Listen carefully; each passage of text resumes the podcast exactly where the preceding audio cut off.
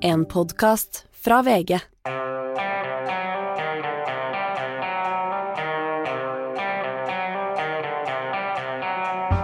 Ikke visste jeg at alle disse dagene som kom og gikk, det var selve uke 32.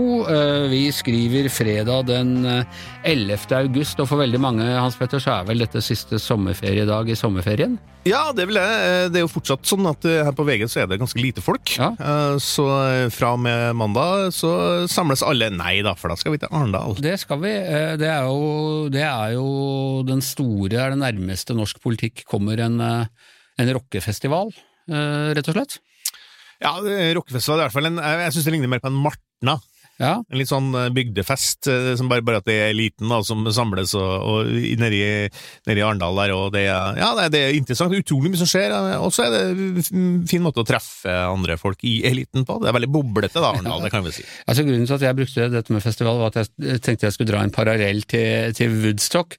Husker du det når eh, fra Woodstock-filmen i 69 så faller gjerdene på et eller annet tidspunkt, og så sier han eh, This is a free festival from now on! Det er en eh, gratisfestival. Og det blir Giæver og gjengen under Arendalsuka òg. Da er vi gratis hver eneste dag, eh, og tilgjengelig på alle plattformer. Og det er så herlig, og jeg håper at det også kan lage at vi, vi lager ny energi. Vi, får, vi skal være gratis, vi skal nå utrolig mange. Ja. Vi, skal, vi skal slå alle rekorder nå til uka, Anders. Det skal vi, og vi får jo ikke gå ut med tall og sånne ting. Men grunnen til denne smule hybris eh, og er at vi har hatt en veldig god sommer, det må vi jo kunne si. Vi har holdt jula gående i hele sommer, og det har lønt seg sånn eh, lyttemessig. Så da er, da er eh, the sky is the limit, som vi sa på, på 80-tallet. Men altså, eh, Arendal, eh, der samles hele medieeliten, hele den politiske eliten, mye av næringslivseliten, og når vi snakker om politisk næringsliv, medieelite, velkommen til deg, Torbjørn Røe Isaksen. Tusen takk. Både medie- og politisk elite, du. Ikke sant? Eks-politisk elite, nå medieelite, men alltid elite. Alltid elite.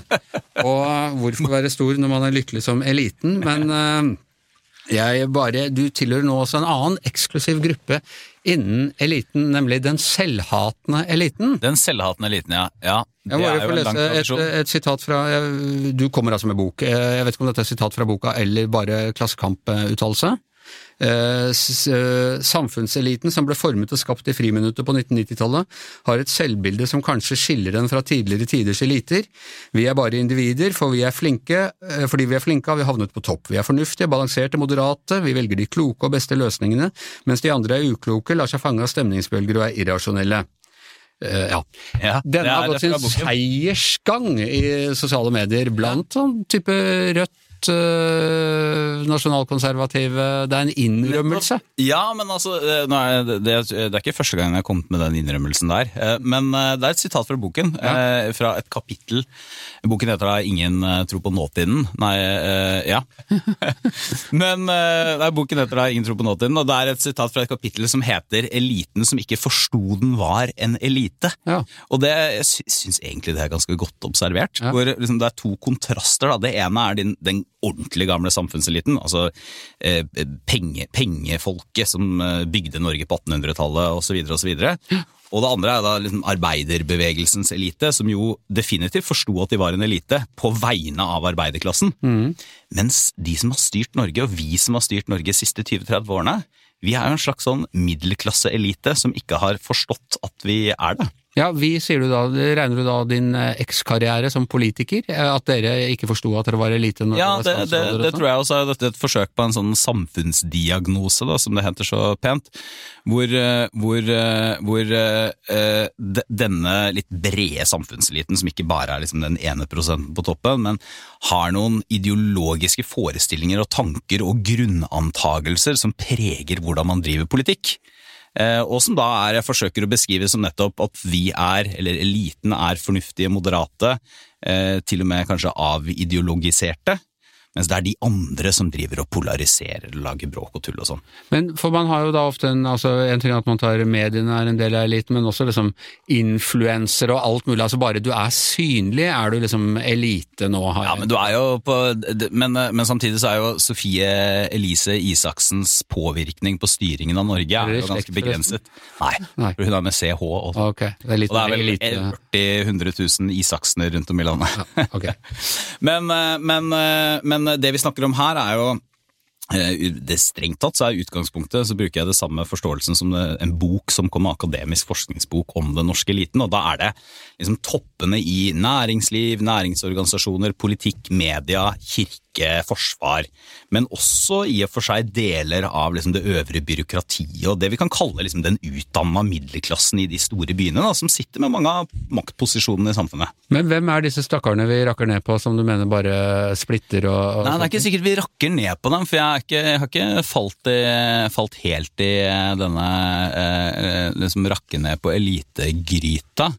Men eh, jeg mener at det er en tanke hos den brede samfunnseliten at eh, det er noen andre som driver med polarisering. Altså Det er de som er problemet. Det er vindmøllemotstandere eller innvandringskritikere eller hva det nå skal være.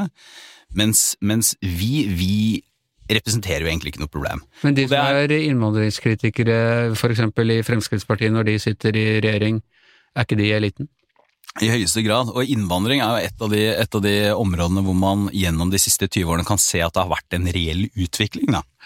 Jeg bruker det som et eksempel i boka mi også, men hvor jeg tror ikke det er så veldig kontroversielt hvis man spoler tilbake og sier at innvandringsdiskusjonen i Norge i mange år ble litt sånn lagt lokk på. Det var en del ting man ikke skulle si. Brochmann-utvalget som ble satt ned av, av Stoltenberg-regjeringa, eh, det første av dem, var kontroversielt, kom veldig seint. Og punkterte et av de argumentene som hadde levd veldig lenge, nemlig at innvandring var også veldig lønnsomt for Norge. Det er det nok ikke, i hvert fall ikke hvis du ser på asylsøkere og Og denne myten her, den sto aller sterkest på 90-tallet. Ikke sant? Det er det vi skal fram til. Ja, og 90-tallet, det er egentlig, og her er du og Hans Petter eh, litt eh, på linje, det er eh, the golden years i, i norsk historie for dere. Ja, det var vel en, det var jo en, et gyllent tiår. Eller i hele Europa, og kanskje hele verdens historie. Kanskje hele verdens historie. Det fremstår i hvert fall som det da. Ja, Jeg tror Hans Petter burde nikke nå. Og det er jo ikke bare Poenget med denne boken er jo, ikke, er jo at det er jo ikke bare den eh, nostalgiske følelsen som alle har for sine formative ungdomsår. Så du vil sikkert si at det var 70-tallet, det var fantastisk. 70-tallet, jeg mener 70-tallet, hvis du savner det, så var du ikke der.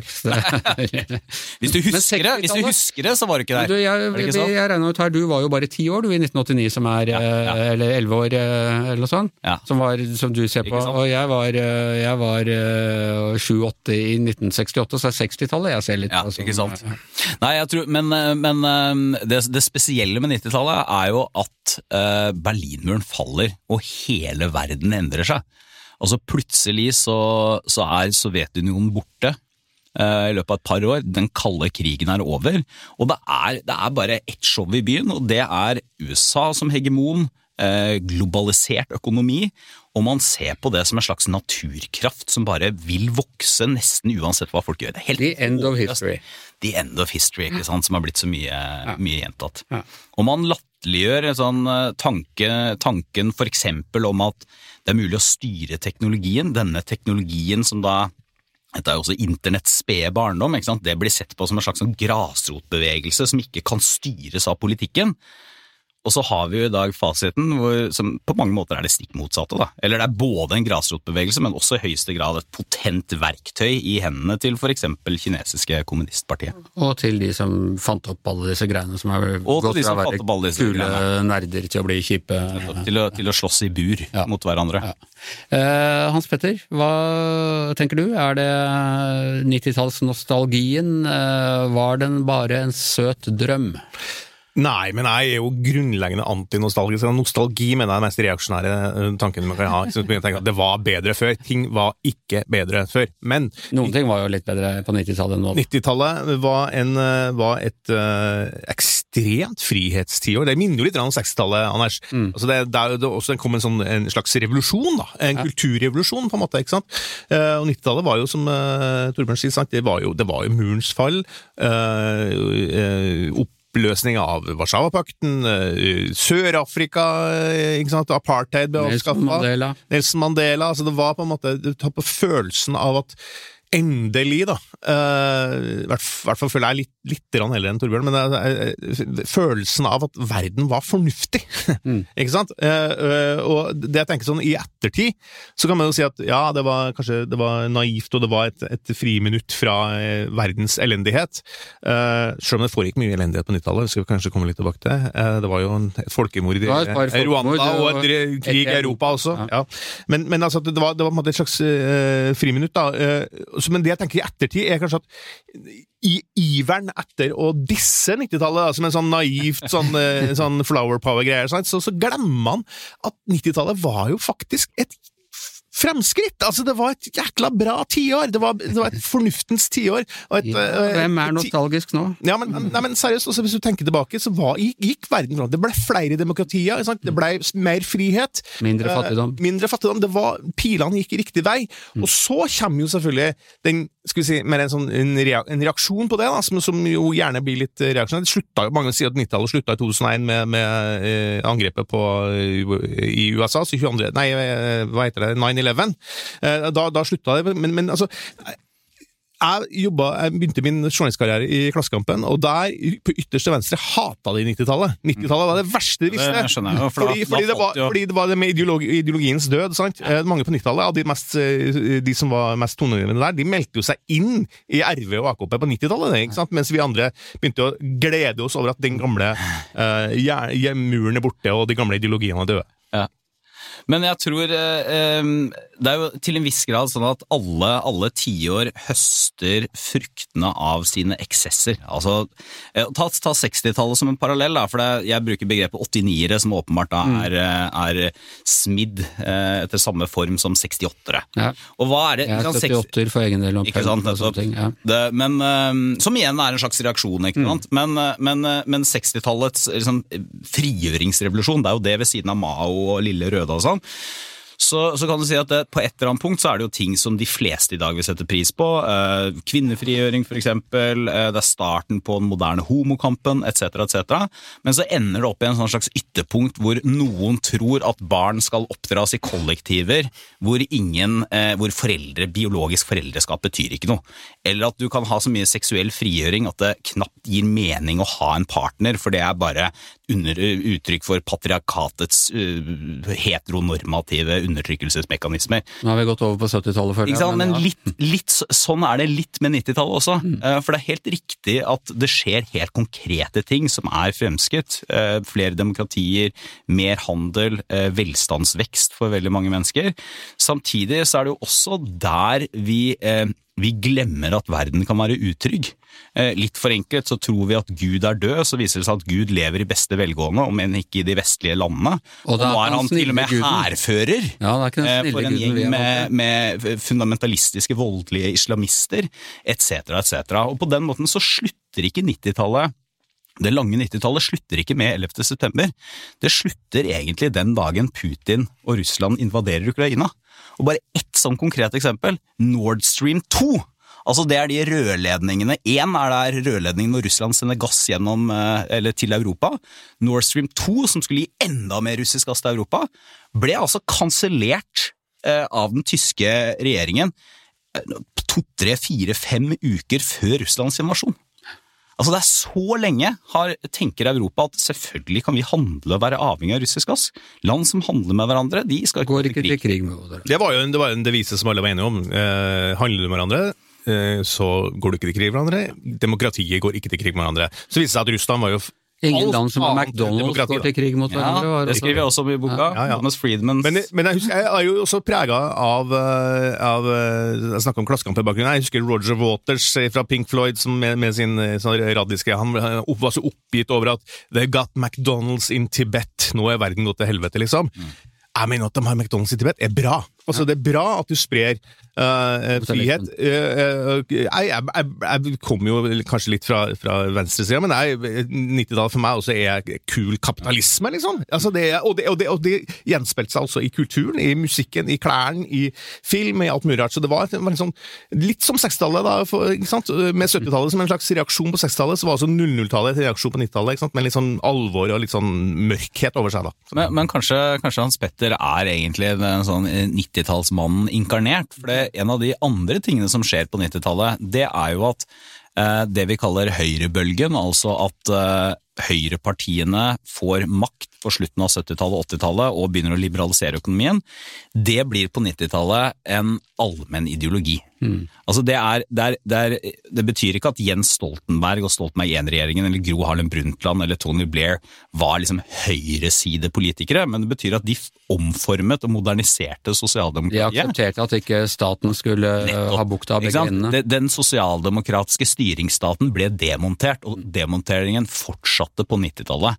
Og så er jeg litt uenig med Hans Petter i at, eh, i at eh, dette liksom slutter på begynnelsen av 2000-tallet, for et av poengene med min bok er jo, det er jo egentlig ikke en bok om sånn se hvordan det var på 90-tallet, og litt om musikk og litt om politikk og sånn. Det handler om at det er, det er faktisk først nå at vi står i den virkelig store vendingen. Det har bygd seg opp over 20 år, 30 år kanskje. Men, eh, men det er først nå vi får liksom det virkelige vippepunktet. Ja, jeg er jo fortsatt enig i det. Jeg skrev en kommentar rett etter eh, invasjonen i, Ukraina. Jeg satt med min gode 90-tallskompis Andreas Brekke nede på en bar her i Oslo og deppa over at nå er eh, våre drømmers, ungdomsdrømmerier eh, lagt bero eh, en gang for alle. Eh, Så, så det er klart, Ukraina-krigen er et knekkpunkt i, i motsatt retning. Det er klart det. Men jeg mener at da kan ikke vi som, som på en måte har holdt de verdiene høyt, da, kan ikke slutte å ha dem for det, og så begynne å bli kynikere og begynne å bli bare Nå skal vi liksom bli eh, eh, Og ikke, ikke ta vare på den Skal vi si for, altså, Pessimisme er den slappeste følelsen av alle. Sånn, nei, for En pessimist vil jo alltid få rett til slutt, vil alltid gå, mens optimisme er jo det, det er jo det som er den kreative den som er på en måte, det som, Nå skal vi faen meg løse ting. Unnskyld at jeg banner. er Nå skal vi ordne ting. sant? Så det mener jeg, altså, Pessimismen det det, det er konservatisme på sitt slappeste, syns jeg. Men det er jo, men det er jo, det er jo, det er jo det er nett, altså Poenget er at optimismen har også en sånn uh, variant over seg som nettopp er veldig slapp, som er jeg beskriver det i boka, prøver å tegne opp litt sånn idéhistorisk riss også, av en måte å tenke på som er at verden går jo fremover, og vi som mennesker blir klokere, eh, og det betyr at når vi da tenkte på 90-tallet at land som, går, som handler med hverandre, går ikke til krig. Mm. Det tenkte de også i Europa i 1910. Eh, Da var det, det var en sånn storhetstid for sånn Europa, vi er så opplyst og folkelig, vi har forlatt den gamle, barbariske verden. Eh, Vi brer, brer handel og globalisering ut, eh, ut til alle. Kan det, og det, det kommer ikke til å bli krig, det er så ufornuftig. Hva er det som skjer? Eh, vi, alle vet jo fasiten. Ja. Eh, ikke sant? 1914, Ikke verden eksploderer. sant? lese. Spoiler. Spoiler. 1914 kollapser eh, europeisk sivilisasjon. Eh, så det er Hvorfor gjør det det? Jo, for at det er reaksjonen som, som utfører den kollapsen. ikke sant? Det, det, det er jo reaksjonen som må bekjempes, ikke, ikke friheten. det, dette er, Jeg merker at den boka den er nok skrevet til deg, Hasper. Ja, jeg, Eh, føler For det, for det alle disse argumentene, for det er nettopp denne måten å tenke på at det er Jo, men det er bare reaksjonen, så det, det som er problemet er at på vårt vakre, flotte hurtigtog mot fremtiden, så er det noen sånne reaksjonære elementer som slenger seg på skinnegangen, som vi bare må få rydda unna. problemet er at, Du problemet er får at laget omelett uten å knuse et par egg. ikke sant? Men, Men problemet er at mange av, de, mange av de tingene som vi nå ser, det er ikke sånn at det er gufs fra fortiden, det er en del av moderniteten og utviklingen. Det er det, det er liksom nettopp å tenke på Putin eller eh, president Xi i Kina som liksom figurer fra fortiden, det er det ikke. Men kan vi være være om, i enige, høyeste grad moderne figurer. kan vi være enige om at demokrati er bra? Ja, det tror jeg vi kan være enige om. frihet er bra? Ja, sånn i passende doser. Under ansvar. Under ansvar. Alt okay. med måte, som Kåre Willoch pleide å vi kunne ha sittet her i to timer og kanskje enda lenger og, og diskutert dette her, og hadde fått litt alkohol med i bildet, så skulle det virkelig blitt sving på sakene. Men Da kunne jeg, vi starte en festival. vi kan starte en festival, ja. Sånn var 90-tallet så 90-tallet var kjempekult, men var det egentlig så kult? Kan være overskriften. Men eh, jeg tenkte bare, vi runder av 90-tallet med å ta en kjapp runde på eh, beste TV-serie fra 90-tallet. Torbjørn? Dawson's Creek. Dawson's Creek. Yes, ja, Det er den jeg likte best. Ja, i den har ikke jeg sett den. Kom i 98. Ja. Elsket den. Ja, den kom helt på tampen, den da. Helt på tampen. Ja. Ok, Hans Petter. Si Eh, Norge rundt. Jeg syns det er litt vanskelig. Når den kom på 80-tallet, så den kanskje til og med Ja, ja, 70-tallet. Gikk gjennom 90-tallet. Jeg tror, at eh, det, altså For meg 90-tallet er så mange faser, på en måte, da, men jeg, må- jeg må jo si sånn TV-seriemessig TV-seriene kom jo ikke for, for fullt for på 00-tallet. Det ble ordentlig, ordentlig skikkelig ja, bra ting. Men, eh, Men altså, så jeg må, må jo si. Twin Peaks. Twin Peaks, ja. ja. Selv om den si, også begynte i 89, tror jeg. kan jeg si i norsk kontekst den mest definerende serien på 90-tallet? Ja, det- Det, er, det er Mot i brøstet. Mot brøst. Men du, jeg må bare si når jeg, jeg ja, okay. men, Dere skal ha tre hver på TV-serie. Ja, men jeg, jeg, jeg glemte det nå, for jeg, Twin Peaks er- var så det, det, sjangerdefinerende. ikke sant? Men den viktigste 90-talls TV-serien er jo åpenbart Seinfeld. Herregud, det er jo hele 90-tallet. Det var den jeg hadde tenkt å skrive, men da Ok. Så går vi da på musikk, og her er det bare lov til å ta ett band, altså. Ett band, eller én plate. Ja. Du, jeg, jeg tar et kontroversielt valg. Achtung Baby av U2. Oi, oi, oi. Bono. Ja, en 90-tallsplata er Definitely Maybe av uh, det Manchester-bandet Oasis. Ja. Ja. Åpenbart. Greit. Roman. Roman. Der, der tror jeg også det bare er ett valg sånn i norsk kontekst, og det er Naiv super av Erlend Lo. Som er 90-tallsromanen. Og for øvrig også grunnen til at Pete Buttigieg, amerikansk samferdselsminister, lærte seg norsk. Ja, det er, det er veldig bra.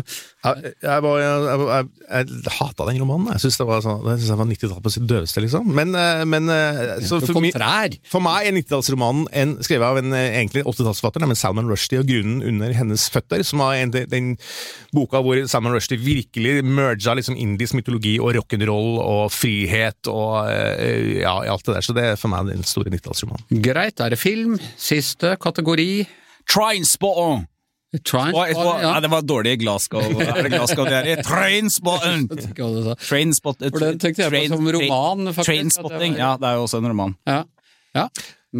Ja, eh, det er en definitiv Jeg er enig i Trainspotting. var en helt, altså Jeg var så britisk orientert på 90-tallet. For meg var Trainspotting helt enormt. Men, men det er klart, 90-tallsfilmen over alle 90-tallsfilmer er jo Pulp Fiction av Quentin Tarantino. ja.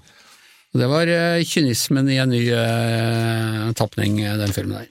Ok, uh, tusen takk dere skal dere ha. Uh, Takk til 90-tallet. Tusen takk til 90-tallet. Uh, takk til nåtida òg. Vi, vi, husk at glasset alltid er halvfullt. Lykke til med lanseringen av boka som heter Ingen tror på nåtiden. Ingen tror på nåtiden. Tusen takk skal du ha, Torbjørn Røe Isaksen. Ok, ellers så har jo denne uka vært eh, preget av eh, ekstremværet Hans. Eh, ved begynnelsen av denne uka, på, på mandag var det vel, så hadde vi Gard Steiro som gjest her i podkasten. Fordi Gard, du, du uttrykte jo en, må man kunne si, en viss nervøsitet før det hele gikk i gang. Det var noe voldsom forhåndsvarsling av dette både hos oss og i andre medier. Og da er man som ansvarlig redaktør på en måte i den litt vanskelige situasjonen at man er litt redd for at det ikke skal bli ordentlig ekstremvær.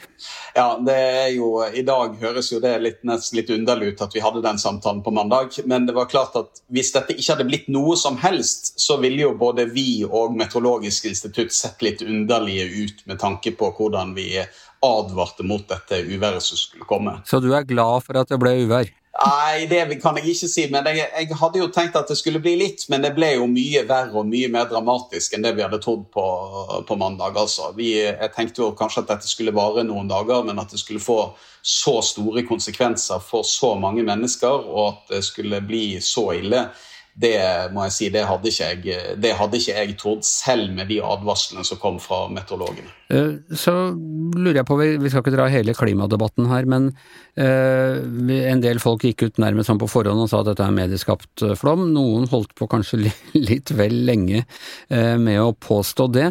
Dette er bare en observasjon fra, fra sosiale medier, men det virker som nå da snur på Altså, vi opplever jo ofte i mediene at det blir storm mot oss på sosiale medier hvis vi gjør noe som ikke viser seg å stemme, eller hvis vi har gjort en feil, eller noe sånt. Nå snudde den litt mot alle de som sa at dette blir ikke noe. Det er blant annet en fyr som har tatt bilde av seg selv oppe ved en sånn, i Gudbrandsdalen ved en sånn stein som har målt tidligere vannstander. Og, og nå, hvis han hadde stått ved den nå, så hadde han stått under vannet antagelig, og han får så hatten passer på sosiale medier. Det viser, altså, eh, sånne stemningsbølger snur veldig fort. Ja, det kan snu enormt fort, og det viser jo òg det som ofte skjer med sånne bølger, at noen kaster seg på, og de sosiale mediene gjør at uh, både funderte og velfunderte innspill i debatten kan få enorm rekkevidde. Så det viser jo, jeg tror det viser og understreker betydningen av at vi klarer å ha medier som benytter gode og proffe kilder, og at dette er vitenskapelig bygg, det vi holder på med. For et sånt bilde, bilde av en som står ved eller annet, en eller annen merkestein et eller annet sted i landet og sier at det var bedre eller verre før, eh, det tror ikke vi skal legge så mye vekt i, på i debatten. Men det er klart at hadde dette hadde dette blitt annerledes, hadde det blitt mye mindre regn, så ville jo en, en, rekke mennesker sagt hva sa vi? Her har mediene blåst opp igjen, sviktet. Hvor er klimakrisen de har mast om, og nå skal de til og med elektrifisere Melkøya. Så, så det blir jo, dette debattklimaet noen ganger er jo ikke helt lett å bli klok på. Eh, men jeg tror at for, for oss som jobber med journalistikk, så er det bare viktigere og viktigere å være presise, tydelige, bruke de klokeste kildene vi klarer å få tak i, og så være ute og rapportere og virkelig vise hva som skjer. Ikke, eh, ikke benytte oss for mye av tredjehåndskilder i sånne saker som dette. Debattklimakrisen er like stor som eh, den andre klimakrisen, si? Ja, debattklimakrisen trenger Der trengs det noe FN-tiltak, tror jeg, hvis man skal gjøre noe med den. Ja, FN-styrkene må inn. Du, eh, liten eh, Vi i mediene må bli flinkere til å kritisere hverandre, eller snakke om hverandre, eller forsvare hverandre. Eh, alt ettersom. Her er en liten eh, nøtt fra uka som gikk. Eh, nyslått leder av Rødt, eh, Marie Sneve Martinussen, var blitt intervjuet av Dagbladet tidligere i sommer, da det var fint vær i Nord-Norge og dårlig, altså dårligere vær sørpå. Og så sier hun noe om at nå må søringene tar seg sammen og de må tåle Dette ser ikke vi på som dårlig vær i Nord-Norge, sånn som nordlendinger alltid sier. Og så venter Dagbladet en stund med å publisere det intervjuet, og så publiserer de det når øh, ekstremværet hans er godt i gang uten å gjøre oppmerksom på at intervjuet er tidligere, og på toppen av alt så tar de avstand fra disse uttalelsene på lederplass i Dagbladet. Det går ikke an å vise en sånn eh, nonsjalant holdning til folks lidelse sørpå. Jeg føler at dette ble et ledende spørsmål, men hva syns du om det? Dagbladet ved politisk redaktør Lars Helle har jo tatt en form for selvkritikk, uh, får jeg si. Den var ikke uforbeholden, men det var en form for selvkritikk. Nei, han la seg ikke flat. Nei, han gjorde ikke det. Uh, dette, der har Dagbladet fått fått uh, kritikk. Og hadde VG gjort det samme, og det kunne sikkert skjedd i VG òg noe lignende, uh, så, så, måtte vi bare lagt oss flat. Eh, dette, og det er litt uheldig, det som skjer her. For her stiller to politikere. Det var jo Sneve Martinussen og Storeg og Bergstø stilte opp. To finnmarkinger. sant?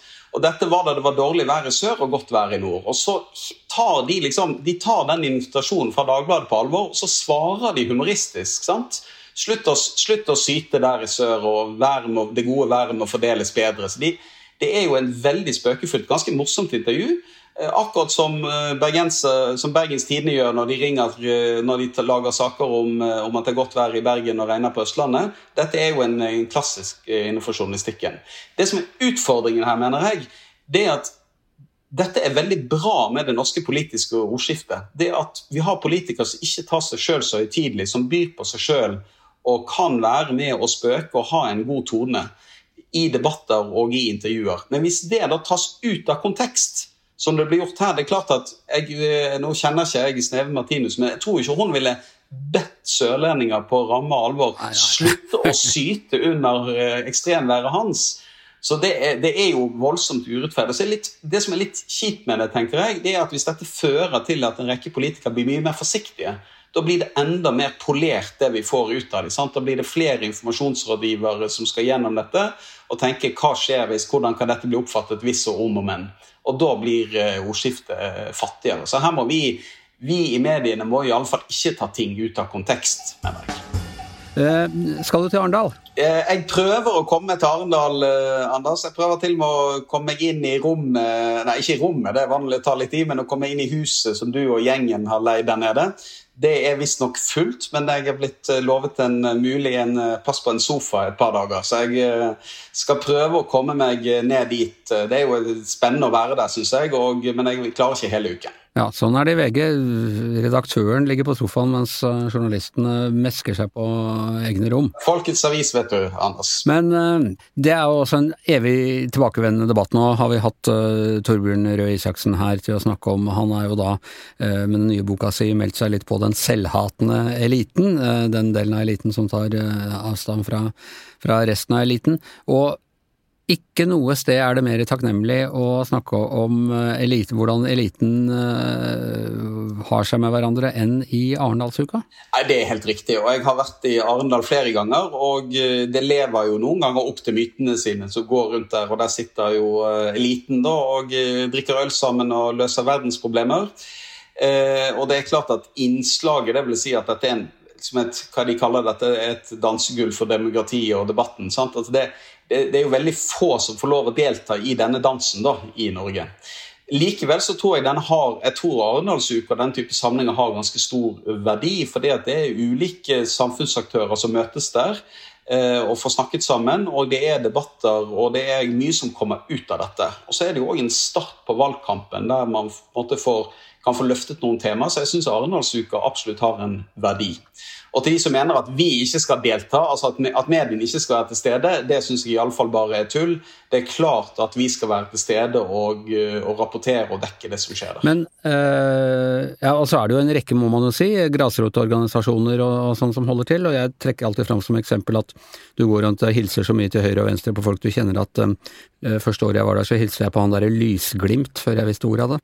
Ja, men jeg har vært Arendalsuka og, og opplevd å bli liksom tatt til side av folk som sitter på en sak de har lyst til at VG skal se på. Altså Ikke som har sittet i en sal og, og en del personer som har reist til Arendal for å snakke med journalister og redaktører fordi at dette opplever de et sted der de kan prøve å få eh, kontakt med oss. Så skal jo sies at Man trenger jo ikke å reise til Arendal for å få kontakt med en journalist eller en redaktør i dag. Men jeg tror det òg er et innslag av som du sier, grasrotbevegelser og mange som får da en mulighet til å snakke med veldig mange politikere og maktmennesker på ett og samme sted. Ja, og det er, en, det er jo en åpen by. Om du ikke har adgang til alle arrangementene, så er det, det er så tett av folk overalt der. Så, eh, så hvem som helst eh, kan jo komme dit. Men, men hva ser du på som eh, Hva er den største betenkelighet med å sende Gud veit hvor mange vi skal fra VG, men vi fyller flere hus? Nei, det er, det er jo at vi, vi står i fare for å overdekke det sant? Og så kan du si at Når vi prioriterer dette så høyt, kunne vi prioritert noe uh, annet i stedet.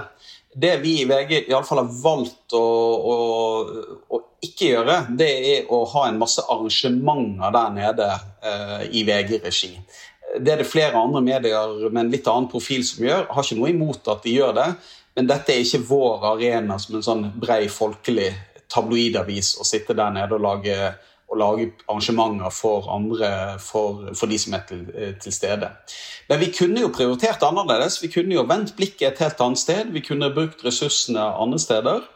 Og så tror jeg jo òg at man skal jo være bevisst når man er der nede også som journalist, at man er på jobb. Eh, altså at man, ikke, man er ikke der for å dra på, for, på fest. Man er uansett når man er der nede hele tiden, så er man naturligvis på jobb. Vi starta jo valgkampen denne uka i VG, i 20-starta valgkampen må jeg si, med, med debatt fra, fra Jungs i Oslo med, med, de fire største partilederne, og, og så braker det i gang for alvor i, i Arendal. Hva tror du om denne valgkampen? Jeg er veldig usikker på denne valgkampen. Ehm, det som blir veldig Det er jo det ene, dette er en lokalvalgkamp, og det er klart at noen steder så vil lokale saker bli svært svært uh, viktige og kanskje avgjørende.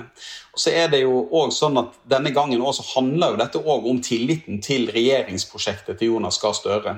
Og de meningsmålingene Arbeiderpartiet eh, har og har hatt lenge, Eh, og, eh, og, også det som man ser nå, de utfordringene Senterpartiet har. Det er klart at Dette blir jo også en en test for dette regjeringsprosjektet. Så jeg er veldig usikker på vi satt og diskuterte dette for en dag siden, hva blir virkelig de store sakene denne gangen. Altså Blir det noen store nasjonale saker som kommer til å bli de viktigste? Og Akkurat nå syns jeg det er litt vanskelig å få øye på det. Melkøya, elektrifisering? Ja. Eh, og så kommer jo den tidlige valgkampen. Nå. Det er klart at Den kommer jo til å være tror jeg, åpenbart være viktig i Finnmark og i Nord-Norge. og være, den jo, kommer jo på et må jo si den kommer på et noe ugunstig tidspunkt for Senterpartiet og Arbeiderpartiet. De har jo lansert den sjøl? Ja, de har gjort det sjøl, men der syns jeg de har et for så vidt, der har de jo et relevant poeng. at når en regjering tar en sånn beslutning, Eh, og så er det jo grenser for hvor lenge de bør og kan holde det hemmelig. Så det er jo noe, det er jo noe, det er jo noe ryddig over dette òg, at de faktisk går ut med det på denne tidspunkt, selv om det er valgkamp. Det er veldig edelt, men er det smart? Nei, det er det nok ikke. I alle fall ikke sånn valg... Altså, det, nå skal ikke jeg, eh, nå, det, jeg Jeg jobber ikke med valgkamp i noen av partiene, og det er kanskje like greit, men det fremstår ikke som det aller smarteste akkurat nå, vil jeg si. Okay. Du har jo bakgrunn blant annet, må vi si, fra, fra Bergen. Der kan det gå mot, uh, mot skifte, og det kan det i alle de store byene. Det, er, eh, det blir en litt sånn by mot land-valgkamp, dette her. Ja, og jeg, det, det jeg syns er aller mest spennende, det er hvordan det går i de store byene, og hvor, hvilke saker som blir avgjørende der, og om du får på en måte en, nå en blå bølge over, over by, eh, ja, det, er nesten alle de store byene. Det er utrolig spennende i Trondheim, syns jeg, om du får eh, et skifte der på, for første gang på en mannsalder. Ja. Eh, vi snakket om debattklima, og at det, ble, ja, det er som det er. Men på mange måter, eh, valgkampen i Norge, de er eh, De syns jeg har forandret seg lite i de mange årene jeg har vært med. Det er, altså, politikerne er blitt litt mer lette og ledige, og de sitter ikke så tilknappa i studio. og og så, men debatten i seg selv eh, er tonen ganske lik som den alltid har vært. Ja, det, og det, det var jo mange som Jeg husker tilbake på 80-tallet, når Carl I. Hagen kom og man advarte mot amerikaniseringen av det norske debattklimaet. Eh, og, men men det, jeg syns jo at det norske, altså politikerne eh, de politiske debattene er jo ryddig og ok og ofte veldig, eh, og ofte veldig bra, syns jeg. Og det er jo relativt lite skitkasting og personangrep i norske, norske valgkamp. Og du og eh, Hans Petter og andre var jo og, og kastet terning og evaluerte, og evaluerte de fire altså partilederne, statsministeren og Erna Solberg og Sylvi Listhaug og Slagsvold Vedum. Og dere sa jo ganske riktig at dette er jo fire meget skarpe, gode debattanter som eh, selv om de i et, når mye står på spill, så evner de å være saklig og ryddig og gode og to the point. Og det står det respekt av, altså. Jeg har tenkt på det der med Carl I. Hagen og liksom hvor, man, hvor redd man var for hvordan han skulle Og nå er jo alle Altså Hvis du går tilbake og ser på, på Carl I. Hagen fra den tida, han er jo liksom, han prater som en veldig høflig og men litt spissformulert uh, mann. Han virker veldig gammeldags nå uh, i de debattene fra, fra 80-tallet. Så han Ja, jeg lærte norske på. politikere ganske mye, egentlig. Ja, at vi, var, at vi hadde en sånn kollektiv frykt for Carl I. Hagen sin debatteknikk på 80-tallet fremstår noe rart i dag, altså. Blant annet noe jeg vet de var opphisset over i NRK, det var at han gikk rett i kamera.